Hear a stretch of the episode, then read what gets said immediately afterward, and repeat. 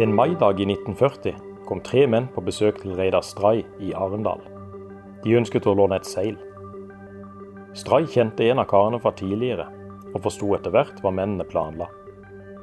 Det var bare noen uker siden tyske tropper hadde okkupert Sør-Norge, og mennene ønsket nå å komme seg til England. Stray gikk med samme tanker. Han hadde nylig blitt kommandert til å kjøre buss for tyskerne, men hadde unnlatt å møte opp og var redd for represalier. Mennene hadde fått låne en livbåt fra en lokal skipsreder, men Stray foreslo at de heller skulle ta seilbåten hans, Lady Nancy. Den 28. mai 1940 forlot Lady Nancy Kolbjørnsvik på Hisøy med retning England og friheten. Om bord var Stray, en ung mann fra Søgne, en styrmann fra Fredrikstad og en stuer fra Nordland. Lady Nancy seilte vestover langs kysten. Da de var kommet til Mandal, sprang båten lekk. De måtte dytte taufilt inn mellom bordene for å holde vannet ute. Bedre ble det ikke da de kom ut for et voldsomt uvær som førte til at alt om bord ble vått. Da uværet endelig stilnet, dukket det opp en ny fare i form av et tysk fly. Stray og mennene kastet ut fiskesnørene og forsøkte å fremstå som fiskere. Tyskerne bet på, og lady Nancy kunne seile videre. Den 3. juni 1940 møtte de på en britisk fisketråler som tok dem med til havnebyen Grimsby. De britiske fiskerne mente at nordmennene hadde vært heldige som hadde overlevd overfarten. Lady Nancy hadde nemlig seilt gjennom et minefelt. I Storbritannia meldte mannskapet seg til alliert krigstjeneste. For Reidar Stray skulle det bli starten på en lang ferd som til slutt skulle ende på Norges utpost helt vest i Nordishavet. Den forblåste vulkanøya Jan Mayen. Stray kom til å inngå i den lille norske styrken som tappert forsvarte Jan Mayen mot tyske bombefly og en mulig invasjon. Øya i isødet skulle under andre verdenskrig bli symbolet på det frie Norge. Bli med på tokt inn i polarhistorien. Dette er niende episode av Polarpionerene, polarhistorien sett fra Sørlandet. Norge har en lang og stolt historie som polarnasjon. Historiene om Nansen, Amundsen og polarskuta Fram står som bautaer i norsk polarhistorie. Nasjonalheltene som kjempet og slet seg fremover i ukjent og islagt terreng. Også sørlendinger og skip fra landsdelen har gjort viktige bidrag i norsk og internasjonal polarhistorie. Denne podkasten, Polarpionerene, polarhistorien sett fra Sørlandet, ønsker å trekke disse historiene frem i lyset, og samtidig gi et innblikk i den fascinerende polarhistorien. Mitt navn er Gaute Christian Molaug. Jeg er historiker og arbeider som arkivar og formidler ved Aust-Agder museum og arkiv. Polarhistorien omhandler også de mørke krigsårene mellom 1940 og 1945. Under andre verdenskrig ble områdene i Arktisk strategisk viktige. Spesielt med henblikk på den arktiske konvoifarten som fra sommeren 1941 gikk fra USA og Storbritannia til de sovjetiske havnebyene i nordvest. Krigen i Arktis var også en kamp om været. De krigførende landene var avhengig av værmeldinger fra nordområdene for å kunne planlegge konvoier, flyangrep og militære operasjoner. Lokalisert i Nordishavet var værobservasjoner fra Jan Mayen særdeles viktig for de allierte. I denne episoden skal vi følge Reidar Streis ferd til Jan Mayen. Du vil få et innblikk i oppbyggingen av den norske eksilhæren, og få høre mer om Jan Mayens betydning under andre verdenskrig. Episoden begynner i Skottland i juni 1940. Etter det tyske angrepet på Norge 9.4.1940 meldte flere sjømenn og andre nordmenn som oppholdt seg i Storbritannia seg, som frivillige til kamp mot tyskerne. I begynnelsen av juni 1940, nærmest samtidig med den norske kapitulasjonen, ble det etablert en norsk mottaks- og samleleir Norwegian Reception Camp i den skotske byen Dumfries. Den første kontingenten på 200 mann ble forlagt i et nedlagt ullspinneri av nordmennene omtalt som Mølla. Den 22. juni fikk militærleiren besøk av kronprins Olav. Han hadde flyktet til Storbritannia sammen med sin far kong Haakon for å fortsette den norske motstandskampen i eksil. Han kom til leiren for å inspisere de frivillige nordmennene. Grunnstammen i den norske leiren besto av norske hvalfangere som hadde ankommet Storbritannia etter krigsutbruddet. De skulle hjem etter fangstopphold i Antarktis. Den norske styrken i Skottland har blitt omtalt som hvalfangerbrigaden. Men også andre nordmenn fant veien til Skottland. I løpet av sommeren som fulgte, ble leiren supplert med nordmenn som hadde kommet seg til Storbritannia fra flere land. Bl.a. englandsfarere som hadde rømt fra Norge i sivile farkoster etter 9.4. Disse kom hovedsakelig fra Vestlandet, men også flere sørlendinger fant veien over Nordsjøen. Da Hærens overkommando flyttet til leiren i august 1940, hadde den vokst til over 800 mann. Mølla ble etter hvert for liten, og det ble opprettet flere avdelinger andre steder i Dumfries. Våren 1941 ble det også bygget en ny leir nord for Dumfries, i Carenbridge. I mars samme år ble den norske brigade i Skottland opprettet. Styrken telte da om lag 1400 mann med avdelinger flere steder i Skottland. Brigaden kom aldri til å spille noen sentral rolle i krigføringen, men deltok i flere mindre operasjoner. Etter overfarten fra Sørlandet hadde Reidar Stray kommet til Dumfries i juni 1940. Her ble han først innkvartert på mølla. Turen gikk etter hvert videre til en nyopprettet befalsskole på Moswell Place. Da det skulle etableres et norsk skiløperkompani, meldte han seg til tjeneste. I begynnelsen av 1941 ble han sendt nordover som en del av det norske kompaniet på Island. Mens Norge hadde blitt okkupert av Tyskland, hadde en annen stormakt okkupert Sagaøya Island. Samtidig med at Tyskland startet sitt angrep på Frankrike og Benelux-landene 10. mai 1940, ble Island invadert og okkupert av Storbritannia. Selv om den britiske invasjonen skjedde uten dramatikk, protesterte den islandske regjeringen mot okkupasjonen. Island var i 1940 i en personalunion med tyskokkuperte Danmark. Bakgrunnen for invasjonen var at britene var redd for at også Island skulle komme på nazistenes hender. I tillegg ønsket de å etablere militærbase på øya. Den britiske tilstedeværelsen på Island skulle også bane vei for etableringen av et norsk militært kompani på Sagaøya. Den 3. august 1940 regnes som opprettelsesdatoen for det som senere fikk navnet Det norske kompani Island. Den dagen fikk løytnant Carl Gjelvik fra Molde i oppdrag av lederen av de britiske styrkene på Island, general Courts, å etablere en norsk skiløpertropp med base på Island. I begynnelsen slet Gjelvik med å rekruttere nordmenn til troppen. I september 1940 telte troppen kun 20 frivillige.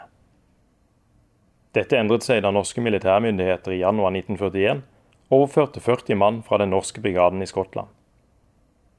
Disse fikk tilhold i en nyopprettet leir i nærheten av Akureyri, helt nord på Island. Blant de nyankomne var flere fra Sørlandet, deriblant sørlendingen Reidar Stray. Kompaniet skulle bistå britiske styrker med kurs i militær skiløpning og opplæring i snø- og vinterkrig. I mars 1941 fikk kompaniet en annen og mer viktig oppgave. Det skulle være mannskapsdepot for den norske garnisonen, som skulle oppdrettes på den norske øya Jan Mayen. Den 10. mars 1941 ankom en liten norsk styrke bestående av tolv soldater, én offiser og tre meteorologer øya Jan Mayen. De norske soldatene tilhørte det norske kompani på Island og var kommet til Jan Mayen for å bistå med reetablering av en værmeldingsstasjon samt forsvare øya mot et mulig tysk angrep. Blant dem var menig Sigurd Christensen fra Grimstad.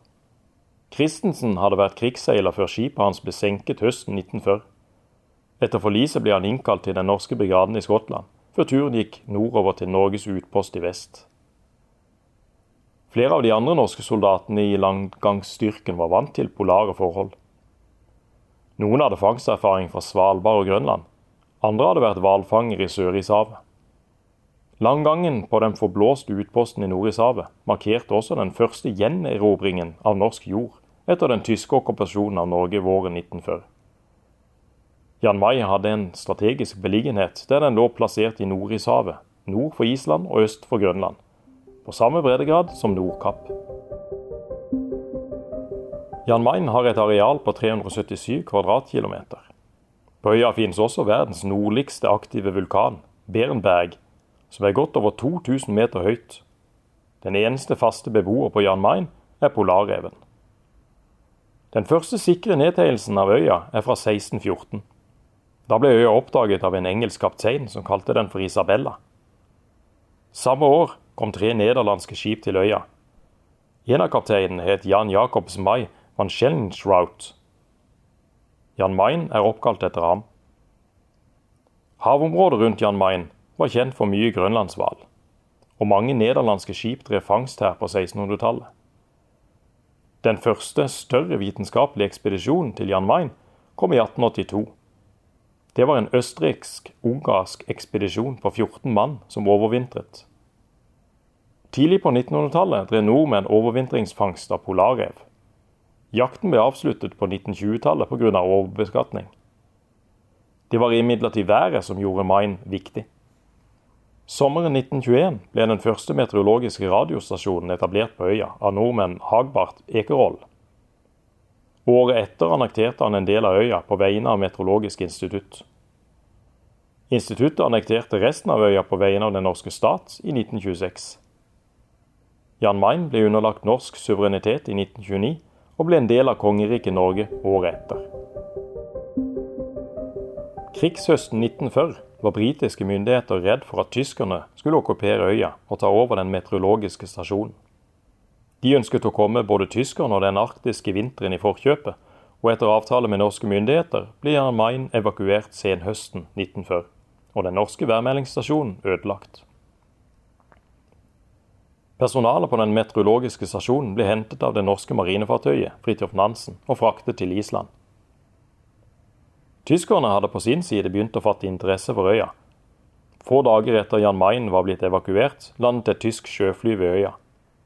Besetningen noterte seg at nordmennene hadde forlatt Jan Mayen i all hast. I november 1940 hindret den britiske marine et forsøk fra tyskerne på å ilandsette egne meteorologer og radiotelegrafister. Britene innså at det var viktig at Jan Mayen var på allierte hender. Derfor ble øya gjeninntatt i mars 1941. Øya var et knutepunkt for værvarslingstjenesten i Nord-Europa og Atlanterhavet. Etter at Tyskland angrep Sovjetunionen sommeren 1941, ble værmeldinger fra Jan Mayen viktig i forhold til de allierte konvoiene som fraktet våpen og utstyr til de sovjetiske havnebyene i nordvest, Murmansk og Arkangelsk. Den norske garnisonen på Jan Mayen, som ble opprettet i 1941, bidro med byggearbeid og forsvar mot både kulde og tyske bombefly. Tyskerne prøvde å bombe anleggene på øya, men lyktes aldri. På det meste telte den norske styrken rundt 50 mann. Nordmennene vekslet mellom å tjenestegjøre på Jan Mayen og Island. Høsten 1943 ankom amerikanerne øya for å etablere en radiolyttestasjon. Den amerikanske basen gikk under navnet Atlantic City. Sørlendingen Reidar Stray ankom Jan Mayen i 1942. Han kom til å tjenestegjøre på øya fram til krigens slutt.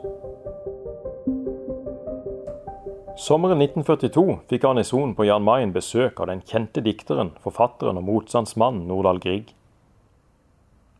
Han hadde forlatt Norge etter den tyske invasjonen og meldt seg til norsk militærtjeneste i Storbritannia.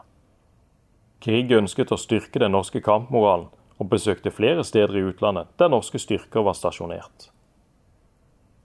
Han fant seg godt til rette på Jan Mayen. Til en av offiserene uttalte Grieg følgende. Dette vidunderlige demokratiske samfunn som dere har skapt på Jan Mayen. Nordahl Grieg mistet livet året etter oppholdet på Jan Mayen. I desember 1943 deltok han som krigskorrespondent på et britisk bombetokt over Berlin. Bombeflyet han var om bord i, ble truffet av en granat og styrtet utenfor den tyske hovedstaden. Hele besetningen døde. Under krigen skrev Grieg flere kjente motstandsdikt, som 'Kongen' og 17. mai 1940. Etter hans død kom det ut en diktsamling med flere av diktene hans. Diktsamlingen 'Friheten' rommer også et han skrev under oppholdet på Jan Mayen. Diktet 'Øya i ishavet' gir et godt tidsbilde på krigssituasjonen sommeren 1942. De tre første versene i diktet går slik. Mørk står en øy av hav, ensom og kald og bar. Dette er Norges land, dette er alt vi har.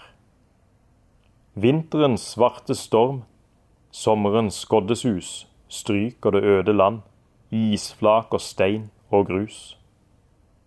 Her er vår jord, vårt hjem, men våre sinn ble skapt langsomt i bildet av landet som vi har tapt. Jan Mayen forble norsk under hele krigen. Øya var den eneste delen av Norge som var fullstendig under den norske eksilregjeringens kontroll. Øya i Ishavet ble et symbol på det frie Norge. Men hvis tyskerne virkelig hadde ønsket å ta kontroll over øya, hadde den norske garnisonen hatt lite å stille opp med. I et avisintervju i Agderposten 1970 fortalte Reidar Stray følgende. Vi hadde en 76 mm kanon, en 20 mm, en gammel britisk sekspunder og britiske maskingevær. Så vi gjorde det vi kunne for å holde tyskerne på avstand. Men hadde de foretatt landsetting, ville vår lille vaktstyrke vært ferdig. 75 år etter krigens slutt er Jan Mayen fortsatt forbeholdt det norske forsvaret og meteorologene. I 2021 bor og jobber det 18 mennesker på øya. 14 av disse er knyttet til Forsvaret, mens resten arbeider for Meteorologisk institutt. Dagens aktivitet på øya er knyttet til meteorologiske observasjoner, samt drift og vedlikehold av installasjoner knyttet til navigasjon og forskning.